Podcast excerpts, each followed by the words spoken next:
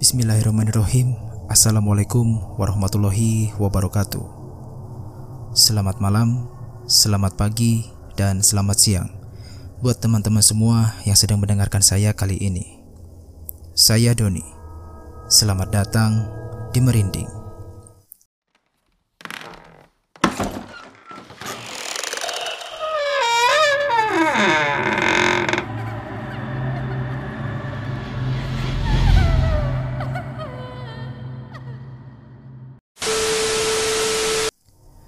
Sebelum saya membacakan cerita dan kalian mendengarkannya, alangkah baiknya jika kita berdoa terlebih dahulu untuk meminta perlindungan kepada Allah Subhanahu wa taala dari gangguan makhluk yang kasat mata maupun yang tak kasat mata. Berdoa dimulai.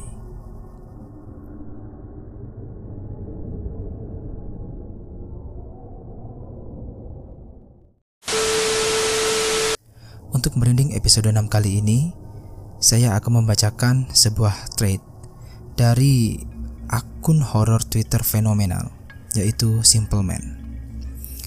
Menurut yang saya baca, kisah ini adalah kisah nyata yang dialami oleh beliau ketika beliau masih duduk di bangku SD. Baiklah teman-teman, tanpa berlama-lama marilah kita dengarkan cerita dari Simple Man. Berikut kisahnya.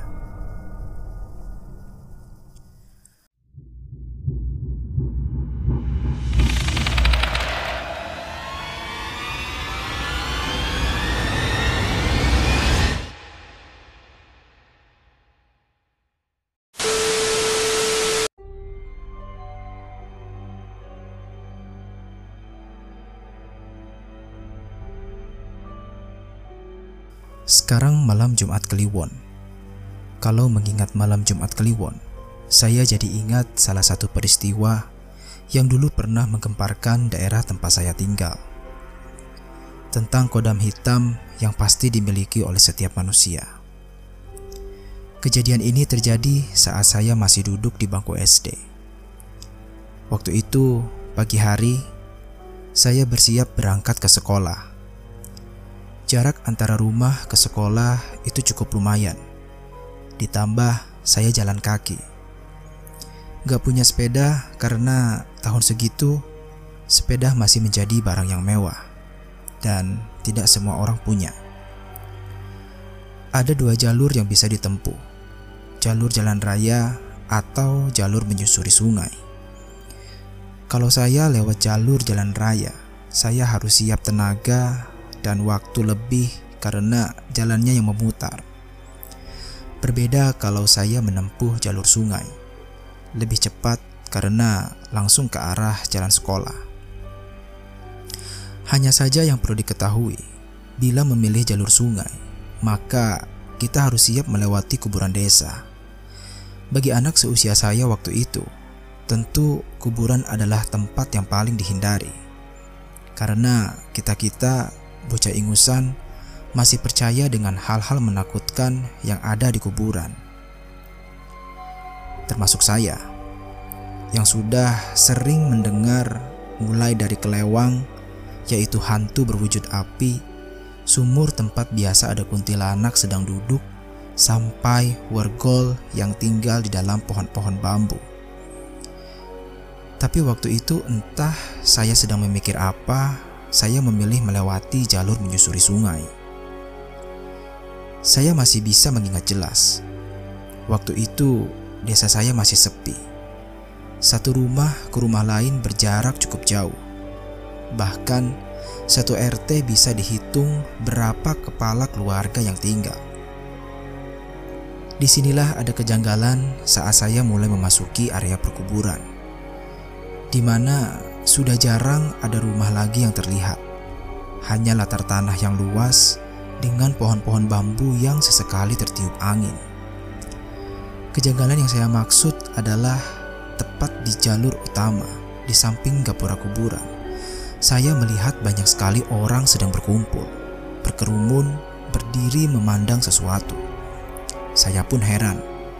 Tak biasanya pagi-pagi tempat ini seramai itu.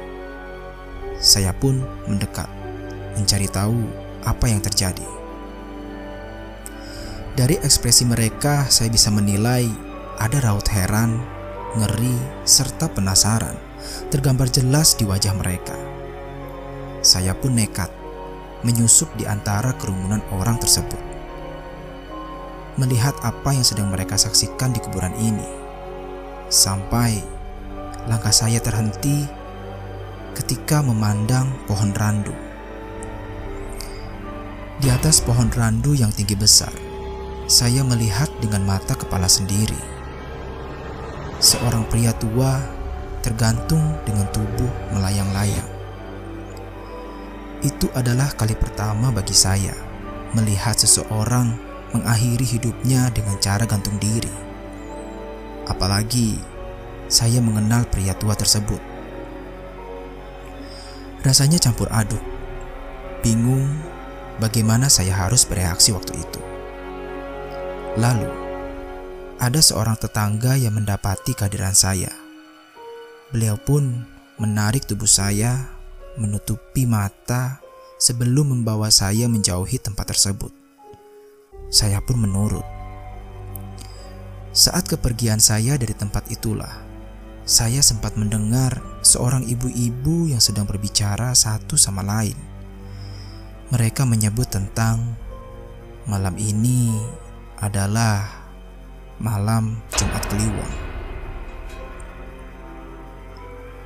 Semua orang tentu tahu, Jumat Kliwon dianggap sakral oleh beberapa orang Jawa, terutama mereka yang masih menganut kepercayaan kejawen. Kebetulan, waktu itu desa saya masih dikenal sebagai desa Wingit. Desa di mana kepercayaan seperti itu masih begitu kental.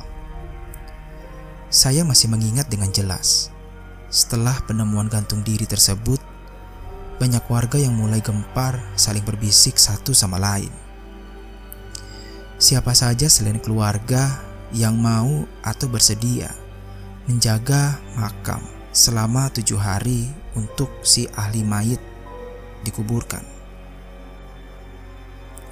Tentu saja banyak yang menolak dengan berbagai alasan, mulai dari kesehatan, anak yang masih kecil, sampai alasan yang mengada-ngada. Setelah dilakukan perembukan bersama, akhirnya terkumpullah dua pemuda dengan Pak RT beserta satu anggota keluarga yang bersedia pada malam pertama. Malam itu benar-benar terasa berbeda dari malam sebelumnya. Angin berhembus lebih dingin. Tak ada suara binatang malam sama sekali. Sampai firasat yang tidak mengenakan sejak berada di dalam rumah. Hal ini tentu membuat semua orang mulai ragu apakah mereka tetap harus pergi.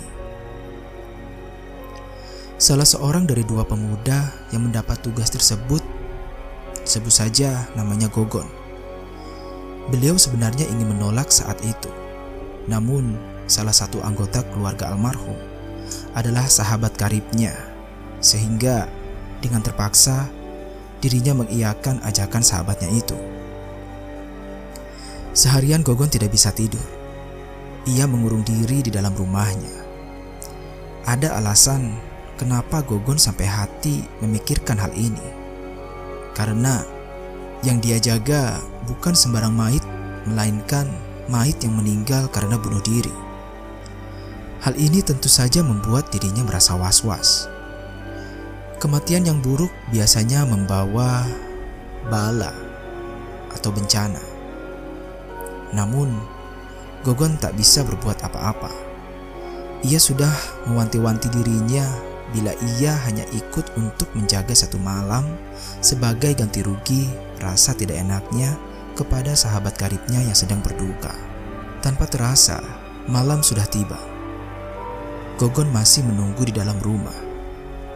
Pak RT sendiri sudah menjelaskan bahwa nanti yang berjaga akan beliau jemput satu persatu. Gogon hanya duduk sambil minum kopi di ruang tengah, menunggu Sampai akhirnya terdengar suara ketukan di depan pintu. Ia pun berdiri dan Gogon membuka pintu. Ia pun terkejut melihat Andi, sahabat karibnya, anak dari almarhum yang meninggal sudah datang menjemput dirinya lebih dulu. Ia pun tersenyum kepada Gogon, mengajak dirinya untuk berangkat. Tapi sejenak Gogon merasa ragu. Karena ia tidak melihat kehadiran Pak RT dan Ferdi. Andi menjelaskan bila Pak RT dan Ferdi sudah lebih dulu di gubuk yang baru siang tadi dibangun, tepat di samping makam almarhum. Gogon merasa janggal sebenarnya dengan cerita Andi. Tapi ia tak memiliki alasan untuk menolak sehingga akhirnya ia berangkat berdua dengan Andi.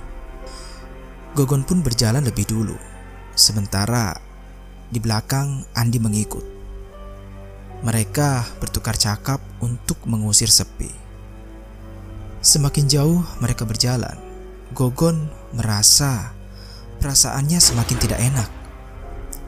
Andi juga tak seperti biasanya. Dia hanya bicara bila Gogon sedang bertanya. Selain itu, Andi hanya diam. Tibalah mereka di jalan setapak, tempat di mana lahan bambu terlihat di sana-sini. Beberapa kali pandangan mata Gogon awas melihat sekeliling, terutama saat angin berhembus membuat batang bambu yang bergesekan terdengar seperti suara orang sedang tertawa cekikikan. Berbekal senter di tangan Gogon, mereka menyusuri lahan bambu berdua namun, sekonyong-konyong, tiba-tiba Gogon baru sadar. Tak ada lagi Andi sahabat karibnya di belakang. Kaget. Gogon melihat ke sana kemari dengan dada berdebar kencang. Gogon merasa ngeri. Waktu itu tak terbesit di pikirannya kalau Andi sedang mengerjai dirinya. Mengingat ini bukan waktu yang tepat untuk seseorang yang baru saja kehilangan sanak bapaknya sendiri. Gogon pun memanggil Andi di bawah rimbun pohon bambu yang semakin lama bergesek-gesek membuat ciut nyalinya. Gak lucu blok. Aku sudah sengaja nemenin dirimu karena kasihan. Malah dibecandain kayak gini. Gila kau. Entah sudah berapa kali Gogon berteriak berusaha menekan rasa takutnya. Namun, batang hidung Andi tak nampak sedikit pun. Terpikir di kepala Gogon untuk pergi pulang kembali. Tapi tubuhnya terdiam mematung saat menemukan di sela-sela salah satu rimbun pohon bambu. Gogon melihat seseorang sedang meringkuk seperti anak-anak sedang bersembunyi. Gogon mengarahkan senter ke tempat itu. Dirinya sejenak mengamati. Semakin lama ia melihat, Gogon semakin yakin bila dirinya benar-benar sudah dikerjai oleh Andi. Emosi memenuhi kepalanya saat itu. Ia sudah siap menghujami Andi dengan kata-kata kasar. Gogon pun mendekat. Kalimat makian sudah sampai di tenggorokan saat Gogon berdiri tepat di belakang seseorang yang sedang berjongkok membelakanginya tersebut. Namun, belum juga ia memaki. Tiba-tiba, Gogon mengurungkan niatnya saat melihat bahwa ia mengenali orang itu ketika ia berbalik melihatnya. Ya, itu Pak Badir, tukang beca bapak dari sahabat karibnya. Gogon pun lupa alasan kenapa dirinya berada di sini. Terutama saat Pak Badir bertanya perihal apa yang dia lakukan di tempat ini. Gogon hanya menggelengkan kepala. Ia benar-benar tidak ingat kenapa bisa ada di sini. Ia pun mengajak Gogon pergi ke sungai untuk melihat hasil pancingannya. Ia juga berpesan kalau sampai mendapat hasil yang lumayan, Gogon bisa membawa sebagian buruannya. Gogon pun mengangguk sembari masih memikirkan alasan dirinya tidak berada di rumah malam buta seperti ini. Selama di perjalanan, Pak Badir bercerita bila akhir-akhir ini hidupnya sedang tidak baik-baik saja. Ia sedang terdelit hutang dan kesusahannya untuk membayar hutang tersebut. Selain itu, dua anaknya tidak mau membantu saat dia membutuhkan. Sedangkan anaknya yang bungsu belum bisa mencari uang. Gogon merasa simpati kepada Pak Badir. Namun, dirinya juga masih belum bisa mencari uang sama seperti anak bungsunya. Selama perjalanan, mereka melewati jalan setapak di samping kuburan arah menuju ke sungai. Namun, Gogon masih terpaku pada alasan kenapa dirinya ada di sini. Sembari menyinari jalanan di depan, Gogon melihat Pak Badir terus bercerita. Ia bahkan sampai di titik di mana bobolnya keluar. Karena mungkin terlalu keras bekerja mengayuh becak dari pagi sampai tengah malam. Saat itu, Pak Badir sampai berkata ingin mati saja. Gogon masih diam saja. Ia benar-benar merasa iba. Andi tidak pernah menceritakan bila bapaknya bisa sampai seperti ini akibat dua kakaknya. Namun di lain hal, tidak ada yang bisa dilakukan oleh Gogon. Saat itu, tiba-tiba Gogon teringat sesuatu. Andi, sahabat karibnya. Bukankah dia tadi pergi ke sini dengan sahabat karibnya? Tapi, untuk apa dia dan Andi ke lahan bambu malam-malam? Ketika Gogon sedang berpikir, ia berhenti di jalan setapak, sedangkan Pak Badir berdiri menunggu Gogon menyinari jalanan mereka lagi. Di detik-detik terakhir, tiba-tiba Gogon baru ingat. Pak Badir ini adalah bapaknya Andi. Mereka ke sini untuk bersama-sama menjaga kuburan Pak Badir yang pagi tadi ditemukan dalam kondisi kendat atau bunuh diri. Gogon pun tertawa. Bagaimana dirinya bisa lupa? Namun, Tawanya lenyap saat ingat. Siapa yang sedang berdiri di hadapannya sekarang? Gogon mengarahkan senter ke depan, tempat Pak Badir sedang berdiri. Saat itu, yang dirinya lihat bukanlah lagi Pak Badir, melainkan sosok manusia yang kulitnya hitam legam seperti seluruh tubuhnya baru saja dibakar sampai tak berbentuk lagi. Aroma anyir darah tercium pekat dari tubuhnya. Gogon seorang diri mematung diam. Kakinya seperti tidak bisa bergerak sama sekali. Sosok hitam legam itu berdiri melihat Gogon. Sebelum memiringkan kepalanya seperti batang lehernya patah. Satu-satunya warna putih yang bisa Gogon lihat hanya dari bibirnya yang menyeringai. Tersenyum melihat Gogon yang sedang ketakutan. Gogon kemudian melihat sosok ini berjoget seperti penari jaiban. Dengan tangan dan kaki terangkat bergantian.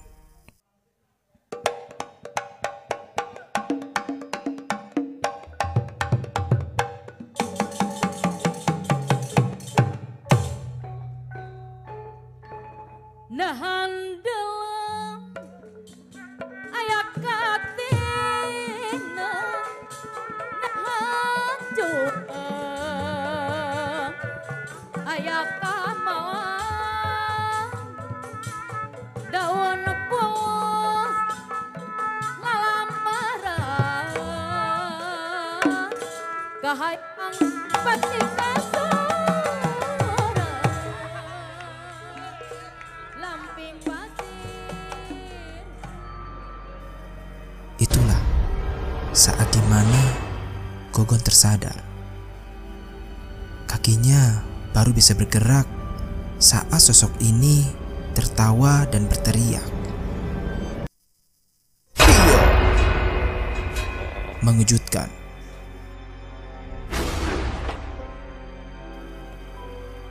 Tidak salah lagi, sejak dulu Gogon tahu bila Pak Badir mahir menari jaipong. Sebelum dirinya menjadi tukang beca, beliau adalah penari profesional. Namun, berapa bayaran seorang penari? Tak cukup membiayai keluarga. Berarti, apa sosok hitam itu benar-benar Pak Badir? Entahlah. Yang utama bagi Gogon saat ini adalah dia berhasil sampai rumah dalam kondisi jantungnya tidak melompat keluar dari dalam mulutnya. Persetan dengan jaga makam kalau yang dijaga saja sedang berjalan-jalan. Cerita ini menjadi buah bibir seminggu penuh di warung desa. Sehingga semua orang bahkan termasuk saya sampai tahu ceritanya. Tapi apa semua berhenti sampai di sini? Beda dengan cerita Gogon. Pak RT dan yang lain punya ceritanya sendiri.